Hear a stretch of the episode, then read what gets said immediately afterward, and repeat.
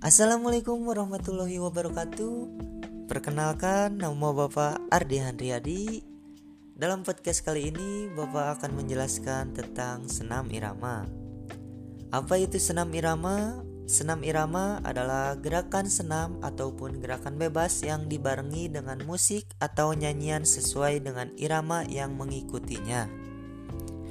Adapun unsur-unsur yang terdapat dalam senam irama yaitu keluasan, kesinambungan gerak, dan ketepatan irama. Rangkaian senam irama dapat dilakukan dengan cara berjalan, berlari, melompat, loncat, serta ayunan dan putaran tangan.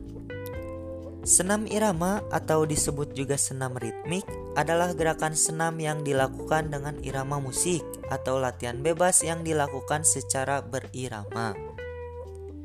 Senam ritmik dapat dilakukan dengan menggunakan alat ataupun tanpa alat. Alat yang sering digunakan adalah gada, simpai, tongkat, bola, pita, dan topi.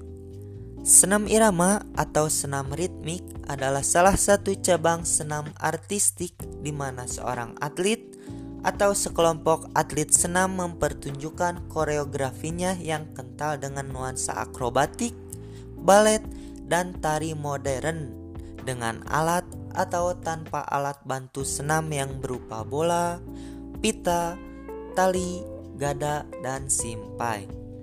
Sekian podcast kali ini. Terima kasih. Wassalamualaikum warahmatullahi wabarakatuh.